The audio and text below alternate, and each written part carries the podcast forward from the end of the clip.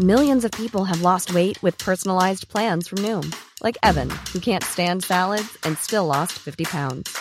Salads, generally, for most people, are the easy button, right?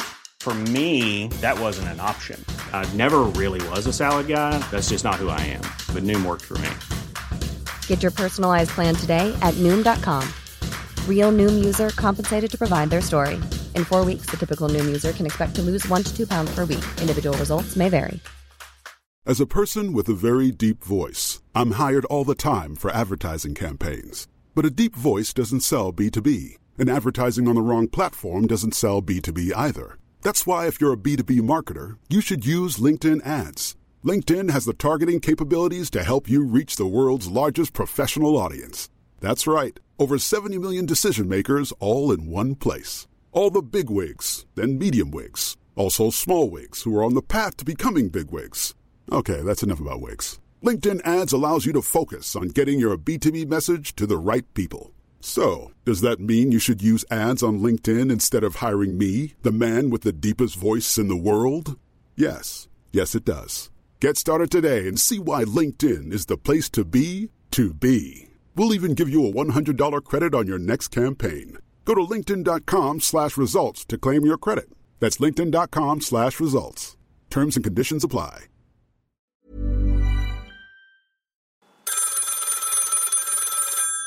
Nämen tjänare! Du har precis börjat lyssna på ett avsnitt av Bröta på. En väldigt göteborgsk historiepodd. Bröta på alle man Alle man bröta på sluta Nu smäller det! Ja, nästan i alla fall. Fjärde expeditionsdagen på vår resa Ja. till Göteborgs medelpunkt. Och det är väl egentligen så här att eh, som när man kretsar runt ett mål, Mm. nalkas stormens öga eller vulkanens själva krater så blir ju eh, ska vi säga, temperaturen ökar, Mm. spänningen stiger och eh, vi trampar oförtrutet i våra eh, tropikuniformer eller, eller om det möjligen är vargskinnspälsar. eh, den, eh, klädseln är ju lite oklar eftersom den är mer av så att säga, symbolisk karaktär eftersom vi i detta nu sitter i Göteborgs-Postens radiostudio och ärligt talat mellan skål och vägg, kära lyssnare, vi är rätt så civilt klädda Rätt så. trots allt faktiskt. Eh, Men eh, vi, vi känner väldigt starkt att, Gud, ja. att vi bär upp Ja. de här tropikhjälparna. Ja, jag har till och med lite ont i huvudet av ymnigt tropikhjälpsanvändande. Just det. Så att, eh, tänk vad fantasin kan funka. Boaormar, 47-gradig värme och vår Remington Rifle med en pappask ammunition. Så är det. Vi har i eh, de tre föregående avsnitten, eh, först i ett inledande avsnitt, eh, diskuterat de, de mer formella premisserna för att finna Göteborgs medelpunkt. Eh, geografin, demografin, ekonomin, kronologin, meteorologin. I det andra avsnittet så pratade vi om Göteborgsskildringar i Ja. litteraturen. Och i vykorten. Vykort också. Ja. Vi, vi har alltså helt enkelt nalkats turisternas bild av Göteborg för att det skulle kunna vara ett sätt att på något vis ringa in vad utomstående betraktar, betraktare ser som eh, den göteborgska medelpunkten. Vårt tredje avsnitt handlade om göteborgare. Ja. Kan, vi, kan, vi, kan det finnas göteborgare som är så kraftfulla göteborgska personligheter att de i princip kommer att bli en symbol för staden? Ja. Och kan man i så fall eh, antingen betrakta dessa göteborgare själva som Göteborgs medelpunkt vilket skulle kunna vara en komplikation om vi i så fall, låt oss säga rent teoretiskt, bestämmer oss för att medelpunkten är, eh, vad var det vi sa, var det Ingvar Ja, Lasse Johanssons höger? Kroners eh, flint. Lasse Kroners flint eller Ingvar Johanssons höger. Eh, och eh, då får vi i så fall ta konsekvensen av ett sådant beslut. Men vi kom också fram till att det skulle kunna vara i så fall också miljöer som är knutna till de här gestalterna. Ja, de har ju laddats på något vis. Miljöerna har laddats Ja. av vissa personligheter och vi nämnde då eh, till, till exempel Aftonstjärnan på Hisingen som, som ju har laddats av Kent Andersson Ja. och Lasse Brandeby hade väl laddat både, eh, både gamla Göta älvbron och eh, den här Möbelvaruhuset. möbel- möbelvaruhuset som ju dock ligger i Mölndal. Ja. Vilket är en komplikation. Sonja Men också ganska... Nefertiti nämnde du Ja också. precis, men också ganska skönt för oss att det ligger i Mölndal för vi måste ju börja smalna av nu. Okej, vi avför därmed Så möbelbutiken i taxigränsen går vid Lana. Så nu, är det. Alltså, annars kommer vi aldrig komma Vi i följer mål. de gamla, de gamla taxigränserna. Det är, det är inte alltid så självklart det är skälet att påfallande mycket av eh, av den roligaste göteborgska historien utspelar ju sig utanför Göteborgs Ja. gränser. Till exempel den här Göteborgs historias mest berömda flört, nämligen eh, mellan frihetshjälten Francisco de Miranda och Mm. fru Hall på Gunnebo är ju naturligtvis då eh, inom Mölndals kommuns Ja. nuvarande gränser. Eh, det var då om, som den minnesgoda lyssnaren kanske kan, kan eh, återkalla i det inre kartoteket då vi upptäckte att denna eh, Kristina Hall eh, såg ut ungefär som en lite äldre och eh, något plufsigare variant av Ina Lundström. En Ina Lundström Ja. som har levt. Ja, kort sagt. Så att, eh, så att de, den dagen du eh, slutar med de där fyra timmars spinningpassen som jag föreställer mig att du kör varje dag så skulle du plötsligt se ut som fru Hall. Ja, det är märkligt. Men det var inte detta vi skulle prata om. Utan dagens ämne då, det- det fjärde när vi alltså har tagit oss igenom de här, de här tre, tre första expeditionsdagarna med olika perspektiv på frågan om Göteborgs medelpunkt. Idag ska vi försöka skärskåda om det eventuellt är så att göteborgska klichéer och myter skulle kunna hjälpa oss att nå den här medelpunkten. Ja, för att alltså, jag tänker att problemet här med medelpunkten som vi ser på vykorten som vi har tittat på och som vad man än gör, det är ju att man, man, man fastnar ju vid en enda bild och som vi pratade om i förra avsnittet också. Vad är det man har valt bort? man har valt bort alla de kvinnliga industriarbetarna och till förmån för de manliga. Så här, vi, vad är det för någonting när vi tar en ögonblicksbild som försvinner? Det är mycket det som är med en klyscha också. Att det är ju en, en eh, symbol för någonting eh, som blir lite reducerande. Jag, jag blev så glad, jag satt här precis innan vi började spela in och bläddrade i din eminenta 400-års eh, bok Göteborg 400, stadens historia i bilder. GP-boken om Göteborgs historia. GP-boken med Christian Wedel som avsändare i allra högsta grad. Och det är så himla fint i den här boken tycker jag Christian att det finns ett kapitel som heter rörelse. För att det är ju det som någonstans när man pratar om klyschor och klichéer, myter, man, man hamnar lätt i ett stagnerat tillstånd som är lite segt. Typ. När jag har en kompis från Stockholm som kommer och hälsar på mig i Majorna och som har gått hela vägen från Centralen och åkt på sina pittoreska spårvagnar och säger att Göteborg det är så mysigt, det är så trevligt, alla är så goa gubbar. Då känner jag så här, ja, men du har ju inte sett allt. Nu pratar du bara om en enda liten sak.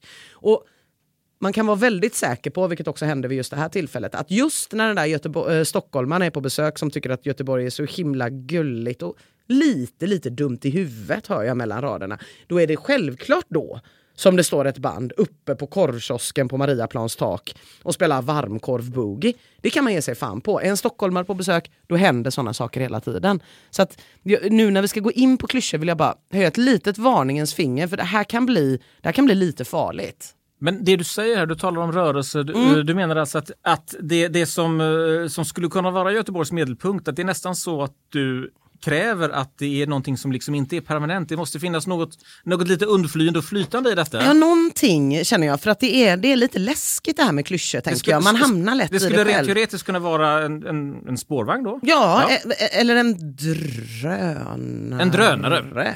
Kanske. Ja, vem vet? Nå, det vi, vi ska ju försöka, försöka eh, gå i närkamp med, med våra grundläggande krav, men vi, vi, eh, vi sätter ett, en liten bock här i kanten Ja. för, för, eh, för rörelse som en del av den vitalitet som vi- förväntar oss. Göteborgs medelpunkt. Men innan vi tar spjärn i de här schablonbilderna, för det är ju ändå det vi ska göra. Det är, det är liksom som en astralkropp som svävar över oss, nämligen det där som vi liksom alla går och känner är liksom göteborgskt. Eh, och, och det kan man komma åt, de här schablonbilderna kan man komma åt genom eh, vissa myter om Göteborg. Jag tänkte innan, innan dess, eh, du har ju gett mig ett litet, eh, ett litet uppdrag här, nämligen att spola den historiska isen.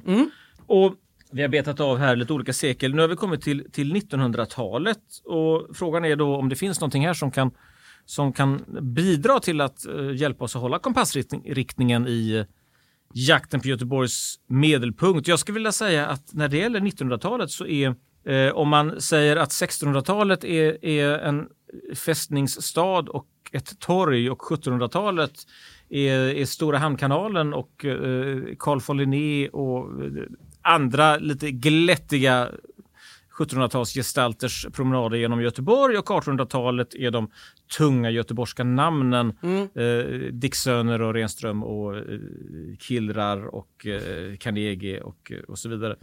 Så, så är, är faktiskt 1900-talet är, det är de stora gesternas Göteborg. De grandiosa gesterna, de gester som är så grandiosa som bara en stad som plötsligt har på något vis som jag höll på att säga som en fågel Fenix Ja. som reser ur askan, men det är inte riktigt sant för, Nej. att, för att det förutsätter ju att, att Göteborg hade haft en storhetstid tidigare. Ja. Göteborg hade varit en ganska liten stad, ganska eländigt, ganska fattigt, ganska grått, ganska regnigt. Ja, regnigt har det väl alltid varit. Mm. Men plötsligt Eh, sisådär år 1915 så säger det, eh, som i eh, serietidningen Pelefant i min barndom, det säger knakelibrak. Det säger knakelibrak. Ja. det, gör det, Men, men man, det heter väl en uppkomling ja, egentligen? Så är det. Ja. Göteborg, En nyrik Ja. med riktigt stora axelvaddar uppkomling. Göteborg är helt klart en nyrik uppkomling och visar detta. Göteborg eh, framträder i storrutig tweedkostym och magnifika polisonger för att hålla stilen. Till exempel så tänker jag på den här, den här stora jubileumsutställningen Ja. 1923. Göteborg fyllde ju fyra, 300 år år 1921. Men till följd av en pandemi, låter det bekant på hända? Ja, det låter mycket så bekant. fick man uppskjuta jubileet, gjorde man då till 1923.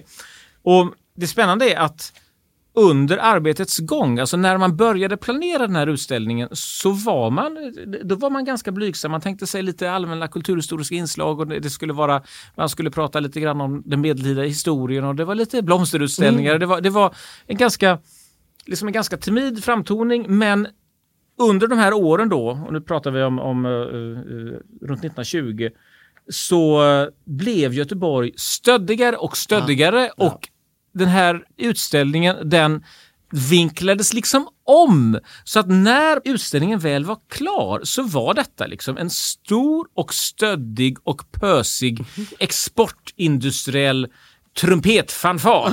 Här ville Göteborg visa att vi har SKF. Jag höll på att säga vi har Volvo, det hade de inte ännu. Volvo dröjde några år först. Men Göteborg hade SKF, Göteborg hade Götaverken, Göteborg hade Eriksberg och dessutom inom parentes hade Göteborg de bästa fotbollslagen. va? Eh, Så att det här, det här är, är stora gester. Och vi kan också se, kan, det är inte så sällan idrottsögonblick. Alltså när, när man ska hitta det göteborgska 1900-talet Mm. Ja. så, så till exempel VM-finalen 1958 i Göteborg. Sverige-Brasilien. Eh, det är naturligtvis Ingos knock, eller det var ju många knockar. Han Ja. malde ner Eddie Machen på Ullevi. Det var 1958 det också, detta, Ja. detta stora år.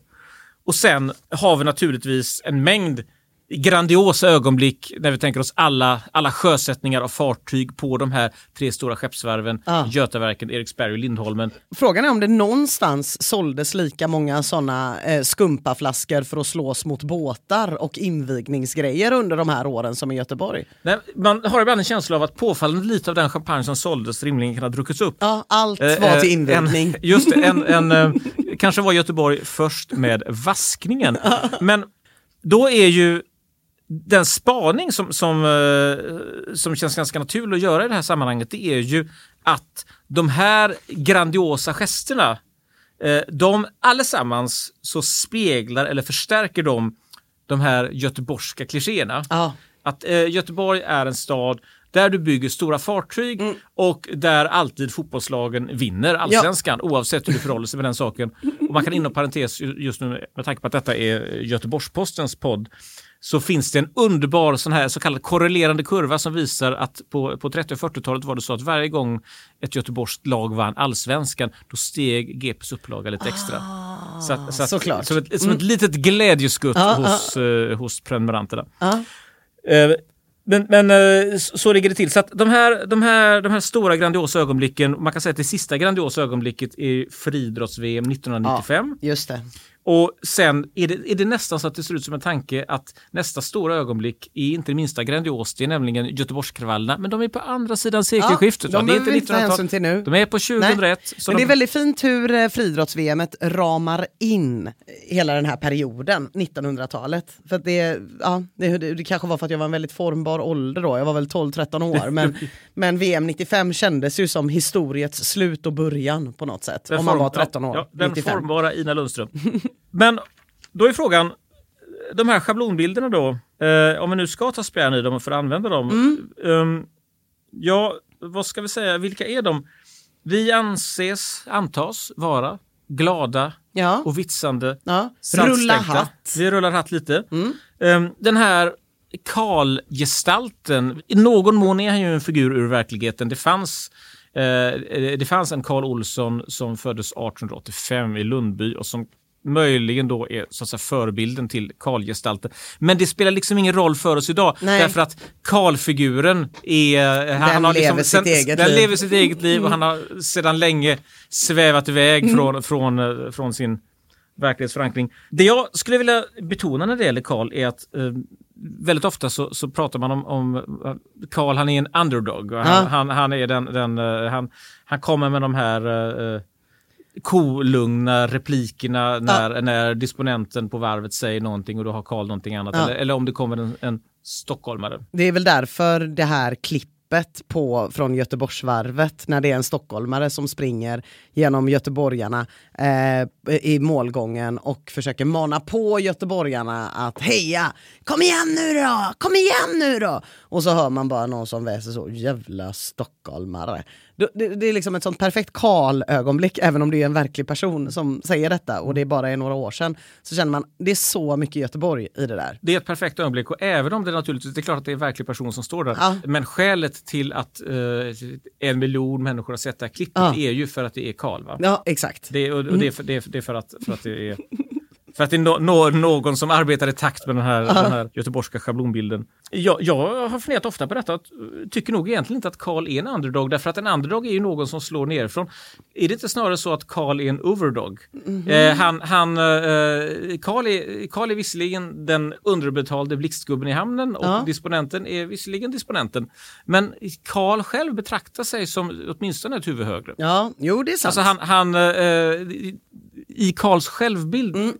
Eh, ryms inte någon underdog utan han svävar liksom hela tiden lite ovanför Mm. och det är därför han kan, ja. han kan ha det här, det här kolugnet. Va? Ja. Men då är frågan, de här klichéerna, Mm. hur ska vi konkret använda dem för att nalkas Göteborgs Jag tror att det är jättevärdefullt, typ som när man säger då, vad är det med det här klippet från Göteborgsvarvet som gjort att en miljon människor Mm. har sett det? Ja, det är ju för att det bottnar i en kliché. Så någonstans så blir du och jag och väldigt många andra människor glada och, vilk, och vilken kliché är det då? Ja, det klichén är att här kommer en stockholmare och larmar och gör sig till. Ja. Och den personen ska tas ner på jorden med få ord.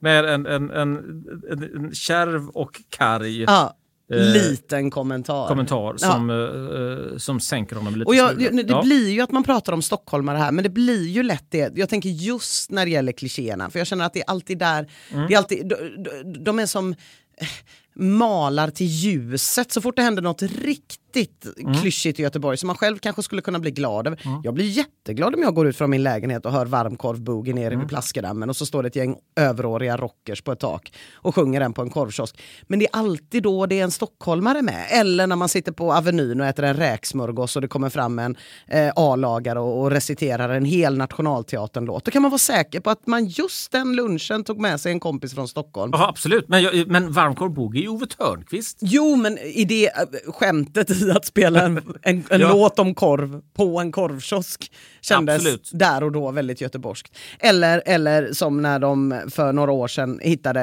eh, ett eh, suspekt paket på Centralen. Eh, Och de trodde det var en bomb och sen visade det sig att nej, men det var ju 40 kilo fryst torsk som någon hade glömt. Då blev jag jätteglad. I två sekunder, ända tills jag insåg Gud vad roligt stockholmarna ska åt detta. För att, det, eh, för att det går helt i linje med, med någon sorts göteborgsk kliché. Ja, det går helt Men- i linje med en Göteborgs kliché. Så att 40 kilo torsk, Ja. en rörelse som skulle, kunna, som skulle kunna symboliseras av till exempel en spårvagn eh, och en, en viss karg underdog-framtoning. Ja. Eh, Ja. och, Ja, vi har tidigare pratat om att vi vill att, vi vill i alla fall, jag vill inte att folk ska vara för uppklädda. Nej, att folk nej, är sitt det. bästa jag. Du pratade om, om funktions... Eh, Ja, funktion, var vi funktion, inne ja. Eh, Ja, det säga, var fint tyckte jag när du mindre- läste upp de här mindre medelpunkterna. dekor. En tillvaro som är mindre tillrättalagd och dekorativ än, än funktionell och karg. Mm. Ja. Ja, det, det, det är bra. Vi, vi, Åh, det blir bara svårare och svårare. det där, svårare och svårare, men det ska det vara. Ja. Vad vore väl världen om Dr. Livingstone hade sagt äsch vad svårt det är att åka till Victoriafallet, jag tror jag håller mig här i Hyde Park istället. Nej, det går inte. Vi, eh, vi ska inte sky några ansträngningar. Nej. Och vi har ju också kvar den, den, den lite eh, svårdissekerade punkt som heter göteborgska, alltså ska vi säga myter, i den meningen att vi pratar om, om eh, vandringssägner.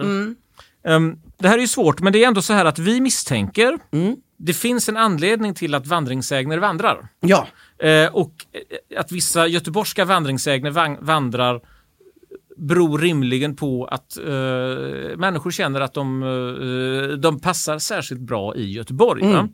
Och om, man då tänker sig den här eh, som vi tidigare pratat om, historien om, om, eh, om den, den lätt berusade studenten som stjäl en pingvin i Slottsskogen Ja. på morgonkvisten. Va?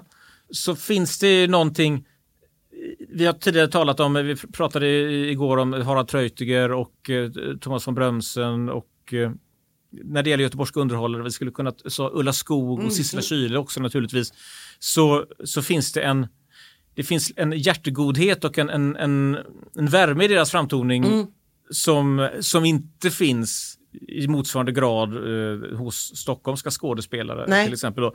Men och den här historien om pingvinen är också att det finns en värme i den. Va? Ja. Han, han, han, eh, den, den här studenten, han står och han tittar på pingvinen och han känner att det är liksom en besläktad själ Ja. och han tar den i famnen och han tar hem den och den får vara i badkaret. ja. och den får alltid vara i ja, badkaret ja. i alla versioner av den här Den historien. får alltid vara i badkaret. Och eh, åtminstone vid tre tillfällen har jag intervjuat personal i Slottsskogen som med allt större matthet i rösten förklarar att en pingvin är ett litet aggressivt mu- muskelpaket och, och sannolikheten att en, en, en aningen berusad och jovialisk göteborgare klockan tre på natten ska lyckas fånga en sån här och Ja. hålla den kvar utan att få ganska betydande skador är mycket liten. Ja. Men, men, men, eh, Men vi behöver så- ju våra vi, myter. Mm. Vi, vi behöver våra myter och, den, och, det, här, och det här är en, en kärleksfull berättelse som, som, eh, som verkligen eh, liksom har samma typ av klangfärger som, som, som när vi pratar om den göteborgska kulturen och framtoningen Ja. och de här eh, ja, men de här, det sitter de ihop här, de här stjärnorna. ett eh, trevligt paket. oa, oavsett eh, om det är den här berättelsen eller om det är Sonja Hedenbratt Mm. eller Thomas von Brömsen eller, eller så. Eh, Och det, är, eh, det är en av de trevligare sakerna med att vara Ja. göteborgare just att vi, vi är trevliga. Ja, det, det, det, är, det är Vi är inte så ödmjuka alltid. Nej, absolut. Det det vi vilken, inte, men- nykom, vilken uppkomling Vi, är ödmjuk? vi är inte så jävla ödmjuka, men vi är trevliga. Ja. Ehm, sen, jag tänker på andra, andra göteborgska myter. Jag, för ett par år sedan så efterlyste jag sådana i spalterna. Då, då eh, påstås det till exempel att man kunde köpa brännvin genom att ställa sig med, med foten på den här Järntorgsfontänen, Strindbergsfontänen på Järntorget. Då, då kom man, i kontakt med en, en, eh, en hemlig langarorganisation. Oj då. Och eh, där den, den klassiska repliken är då att om man, någon råkar stå där i misstag och så, så kommer någon och säga varför står du med fötterna på disken? Ja, ja, ja. Ah, ja. Och sen har jag faktiskt själv råkat ut för en, en, en genuint förbryllande händelse där jag en kväll i lugn och ro med min saxofon på axeln, det var en vanlig onsdagkväll i oktober, eh, jag stod vid en eh, rondell i Majorna och eh, jag lutade mig mot en husvägg. Och då stannade det en Saab och en, en kvinna stack ut huvudet och skrek till mig Pelle Snusk! och sen åkte hon iväg på, på rivande däck. Ja. Eh, och sen fick jag höra att eh, det fanns ett, ett intrikat signalsystem eh, där man då skulle ställa sig vid den där, vid den där platsen Ja. eh, om, om man då eh, ville köpa någon mystisk massagetjänst Just eller hur det, det, nu, det, det. Hur det nu formulerades. Ehm, Och det här är ju liksom en... Eh, det här är ju, är ju ändå myternas värld. Eller ett, Ja. ett mystiskt, hemligt Göteborg. Ja. Ett underjordiskt Göteborg som, som är obekant för oss alla. Och sen då ehm, den förnämsta av alla myter, nämligen det påstådda kaféet i Mm. Malmskavalen. Tidigare så noggrant belyst i den här programserien. Mm. Men Ina, jag tänker att du skulle få, få ta detta från ditt perspektiv därför att du har Eh, du har, har en helt egen syn på detta. Jag tycker ju så mycket om hur massivt försvaret är för att Malmska valen har hyst ett café. Det är när det i själva verket inte har gjort när det det. i själva verket inte har gjort det. Det är väldigt roligt att människor så vägrar tro på att det inte ska ha funnits ett café där. Och det roar mig så till den milda grad att jag skulle kunna tänka mig att det är Göteborgs medelpunkt. Ett café som aldrig har funnits, men som väldigt många göteborgare är helt bombsäkra på. För det är väl också en del av en Göteborgs klyscha. Att man kanske inte alltid har på fötter, men man uttalar sig jävligt tvärsäkert ändå. Det vill säga den, den perfekta skärningspunkten mellan, mellan, mellan dröm och verklighet. Ja, här? Det, det, det, det är ju ändå så här att... Och då, och då skulle vi i så fall... Eh, då skulle vi alltså i seriens femte avsnitt här så Ja. skulle vi öppna kaféet i Malmskavalen Ja. så att eh, legenden blev sann. Mm. Eh, det skulle förmodligen krävas ganska komplicerade förhandlingar med Mm. Naturhistoriska museet. Men, men de, är, de är ju hyggliga där, varför inte? Jag skulle, vara, b- jag skulle vara mer säker på att jag klarade av att hoppa ner i en vulkan än vad jag skulle vara säker på att jag skulle klara av att ens gå in i det rummet där valen är. Det finns ingenting på denna jord som skrämmer mig så mycket som blåvalar i allmänhet och den malmska valen i synnerhet. Jag vet inte vad som har hänt mig där inne, men det är något. Jag fick någon, någon, ja, någonting, men jag har så... Jag, sist jag försökte gå in på Naturhistoriska, det är 10-15 år sedan, då kom jag inte längre till en, än till entrén. För där har de en modell av bara en blåvalsfen, stjärtfen. Jag tycker det är den obehagligaste delen, det är därför jag blundar nu när jag pratar om det här Christian. Ja, Nu, nu, är det ju inte, nu är det ju verkligen inte min sak eller profession att göra en klinisk bedömning Nej. här. Men skulle man ändå ur så att säga ett lekmannaperspektiv kunna säga du lider av valfobi? jag lider av valfobi. Jag, jag lider av... ja, det gör jag. Och då, då är det väl också så här att, att det här är en fobi som, som du ändå, du har ändå ganska stora möjligheter att klara vardagen Ja. utan att, eh, Precis, jag har utan inte att få den, behövt... eh, din jag- tillvaro hämmas inte så mycket av Nej, detta. jag har inte behövt göra någonting åt det. Jag har blivit en mästare på att känna igen i filmscener. Nu, nu jävlar är det läge för en val. Nu vill de slänga in en val. Eller när de filmar något landskap, att nu jävlar kommer det in valar här. Så då blundar jag och gömmer mig under filten ett tag tills den jag tittar på tv med säger nu kan du titta igen. Så att nej, det, det har ju inte, fram tills nu har det inte varit ett hinder för mig. Men nu känner jag mig lite hindrad för jag skulle väldigt gärna vilja avsluta med att säga att medelpunkten är Men det kommer vi inte göra. Eh, Nej, det kommer vi inte göra. Och då måste vi hitta på en annan anledning än att jag är rädd. Vi kan ju inte säga, vi hittade den perfekta medelpunkten, men Ina vågade inte åka dit. Det blir väl en dålig... Ja, nej, vi, vi har ju inte hittat den perfekta medelpunkten. Det här är ju bara en, en hypotes som Mm. Ja. vi prövar. Vi har, Ja. ju, vi har ännu inte, un, vi har inte underkastat Malmska valen den rigorösa prövning Nej. som varje, Nej. varje medelpunkt ska, ska underkastas. Utan det, det, vi bara konstaterar att det här är en, det här är en magnifik myt. Mm. Men sen vill jag nog säga att jag skulle nog inte vilja trots allt se den här myten om Malmska café som vinnare i den här tävlingen Nej. eller som den göteborgska medelpunkten. Ehm, Tänk bara hur mycket läsarbrev det skulle bli sen. Ja, precis. Lä- Läs, läsarbrev. eh, Men, men eh, det känns som om den göteborgska medelpunkten är ju trots allt en lite större fråga än att få 127 läsarbrev och två Ja. mordhot som jag fick då senast när, när jag framhöll i Göteborgs-Posten att något café icke hade funnits. Eh, Det är i alla fall en, fall en intressant myt här. Va? Men jag tänker nu att vi ska ju nu försöka i detta fjärde avsnitt, vi nalkas slutet Ja. av vårt fjärde avsnitt. Ja. Nästa avsnitt, Mm. då måste vi befinna oss på den här punkten. Nästa vi, avsnitt sänds. nästa avsnitt sänds Och spelas in. Göteborgs medelpunkt. Ja, så måste det bli. Mm. Eh, Så det finns liksom ingen återvändo för oss nu. Nej. Nej. Och Det vi får göra är väl att vi får lyssna igenom de avsnitten vi har gjort. Ja. Och kolla vad vi har kommit fram till. Ifall det var något som var totalt strunt eller nonsens och vad som faktiskt är viktigt. Och så får vi försöka hitta en plats som funkar med de kriterierna. Jag har gjort lite, lite anteckningar här. Ah, gud vad bra! Eh, och eh, jag har, har, har kortfattat bara skisserat de, de, här, de kriterier som vi har, så vi har nalkats. Och vi, har ju, vi har ju avfört de, de här traditionella paradplatserna. Ja. Vi har avfört alla typer av, ska säga, arrangerad festlighet. Ja, ja, här ska man ha skoj. Här ska vi ha skojigt. Eh, vi har avfört, ska vi säga, det söndagsfina, skulle man kunna säga.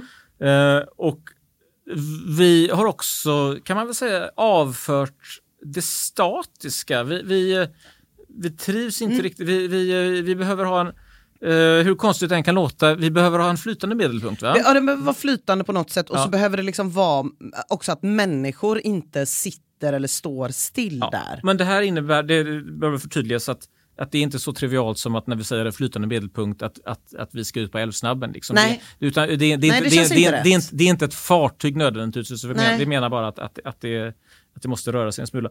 Sen, sen eh, har eh, du också hjälpt mig att anteckna ordet kargt och Mm. tyket har vi sagt. Att det, det måste finnas en viss sälta Ja. i den här medelpunkten. Ja, för att någon ska kunna säga en väldigt rolig sak Mm. Ja. vid rätt tillfälle utan att det blir eh, ja, kladdigt. Vi har då skrivit de här, de här nyckelorden blir då att det blir, behöver rörelse och Mm. du nämnde också vatten va? Ja, vatten eh, känns Det, ju... det, det är svårt att tänka sig en göteborgsk medelpunkt som är helt avskuren Ja, från något göteborgskt vatten. det får man ändå säga att det har ju de här vykorten gjort rätt. Och det, här, och det är också det fina är att det finns ju hur många typer av vatten som helst i Göteborg. Jag skulle vilja säga att i stort sett alla de former som vatten kan anta utom glaciär Ja, f- finns väl i Göteborgstrakten. Ja. Ja. vi saknar kanske, kanske en geyser också. Men vi har, Ja. ju, vi har ju insjöar, vi har hav, vi har, vi har älv, Mm. vi har kanaler, vi har vallgrav. ja.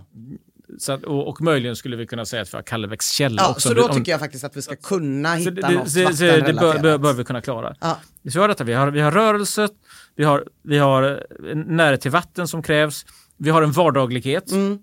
Eh, vi har en, en, eh, ska vi säga, en kärv tykenhet, Ja. en, en, eh, en viss gamängaktig Ja, och här- replikstämning. Va? Ja, och det här kanske är självklart, men Mm. jag säger det i alla fall. Det måste ju vara historiskt och nu.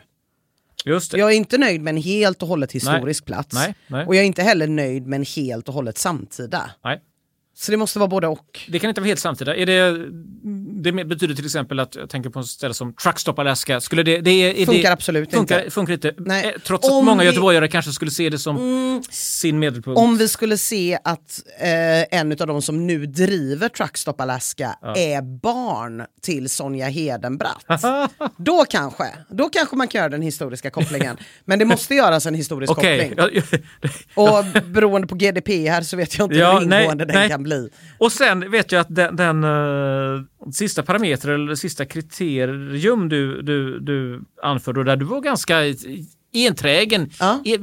besvärligt envis skulle jag rent av vilja säga. Att du, nej, du, du talade om att det, att det, att det måste finna, vara ett ställe med en funktion. Va? Ja, det, Eh, det tycker jag är jätteviktigt. Ja, och, det, och det är, väl egentligen ett annat sätt att uttrycka en vardaglighet. Va? Det Mm. här, Vi pratar inte om eh, inga dekorativt, Nej, inga är huvudsakligen dekorativa inte en platser. staty rest för att vara en medelpunkt, utan en verklig medelpunkt. Utan, utan ja. en, eh, en, en funktion. Ja. Det ska pågå saker där. Ja, ehm, då har vi, eh, vi har verkligen någonting att bita. Vi har kommer, att vi, vi kommer att kliva in i ett, i ett jurymöte imorgon faktiskt. Eh, och vi kommer att lyssna igenom alla avsnitt, alla de här fyra avsnitten. Så vi vet ju faktiskt inte ännu Nej. riktigt var vi kommer att befinna Var vi oss. kommer hamna. Eh, även, om, även om det finns eh, en mängd ganska hyggliga kandidater här i... Det finns det, det finns det, men det måste ju smalnas ner. Och vi vet ju att ni som lyssnar kommer ju få veta i nästa avsnitt, för vi kommer ju sända därifrån förhoppningsvis. Ja, ja, Om det inte ja. blir Lasse Kroners flint, då kanske vi får sända runt den. Vi har, vi har, vi har förresten, jag, jag såg här nu här att, att en liten punkt kvar här va? Nämligen eh, det som du uh, kallade det för det mest göteborgska av alla ögonblick. Jag vet inte om vi har någon nytta av detta. Jag kan ju liksom inte peka på exakt när detta Nej. händer. Men Nej. jag vet under den tiden som jag har varit på fotbollsläktare Mm. så vill jag minnas i alla fall att från början när man stod i IFK-klacken och mötte Stockholmslag så sjöng Stockholmslagen Alla rensa fisk i Göteborg som en nidvisa. Och om jag får förhålla mig lite fritt till sanningen. Och det får du. Och det får jag. Så vill jag minnas att vid ett specifikt tillfälle, någonstans runt 2002, så eh, är det kanske en bortamatch i Stockholm. För jag har för mig att IFK-klacken är mindre, betydligt mindre än Stockholmsklacken. Så då måste det ju vara i Stockholm. Och att eh, när eh, då de här Hammarby-fansen eller vilka det var börjar sjunga Alla rensa fisk i Göteborg, då börjar alla vi i Blåvittklacken också sjunga med Alla rensa fisk i Göteborg. Tills hela stadion sjunger Alla rensa fisk i Göteborg, vilket naturligtvis leder till att Hammarby-klacken slutar sjunga Alla rensa fisk i Göteborg, medan Blåvittklacken enträget fortsätter sjunga att Alla rensa fisk i Göteborg. Och det är ju en ägning av stockholmare som heter duga. Och det är också någon slags skön, för jag kan ha lite problem med den här Göteborgsdel, delen av Göteborg som uppkomlingen.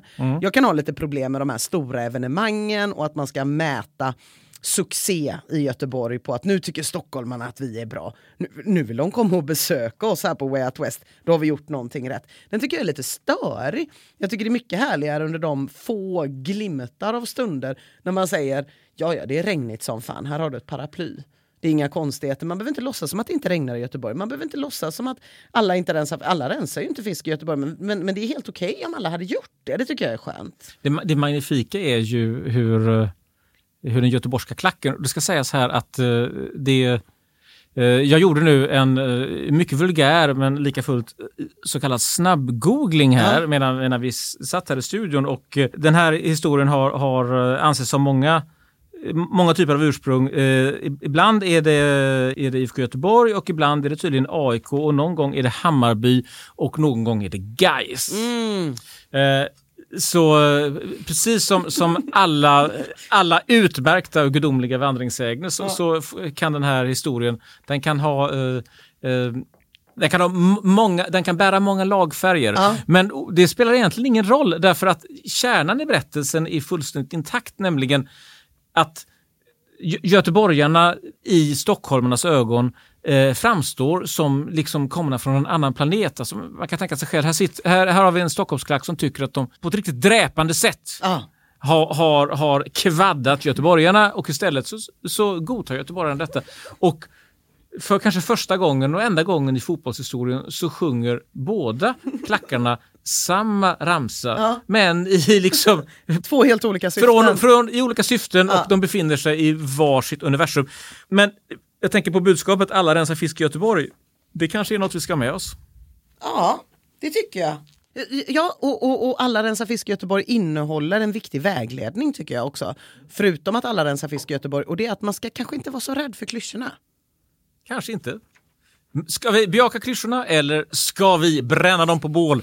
Ja, vi kommer att sitta vid lägerelden här nu det närmaste dygnet för att förbereda oss inför vår femte och avslutande Göteborgsdag i vår resa mot Göteborgs medelpunkt med dig Ina Lundström och med mig Christian Weder Ja. och nu är spänningen olidlig. Ja, i nästa avsnitt får Ja. vi veta. Ja. Snart! Vi ses! Hej, hej. Alla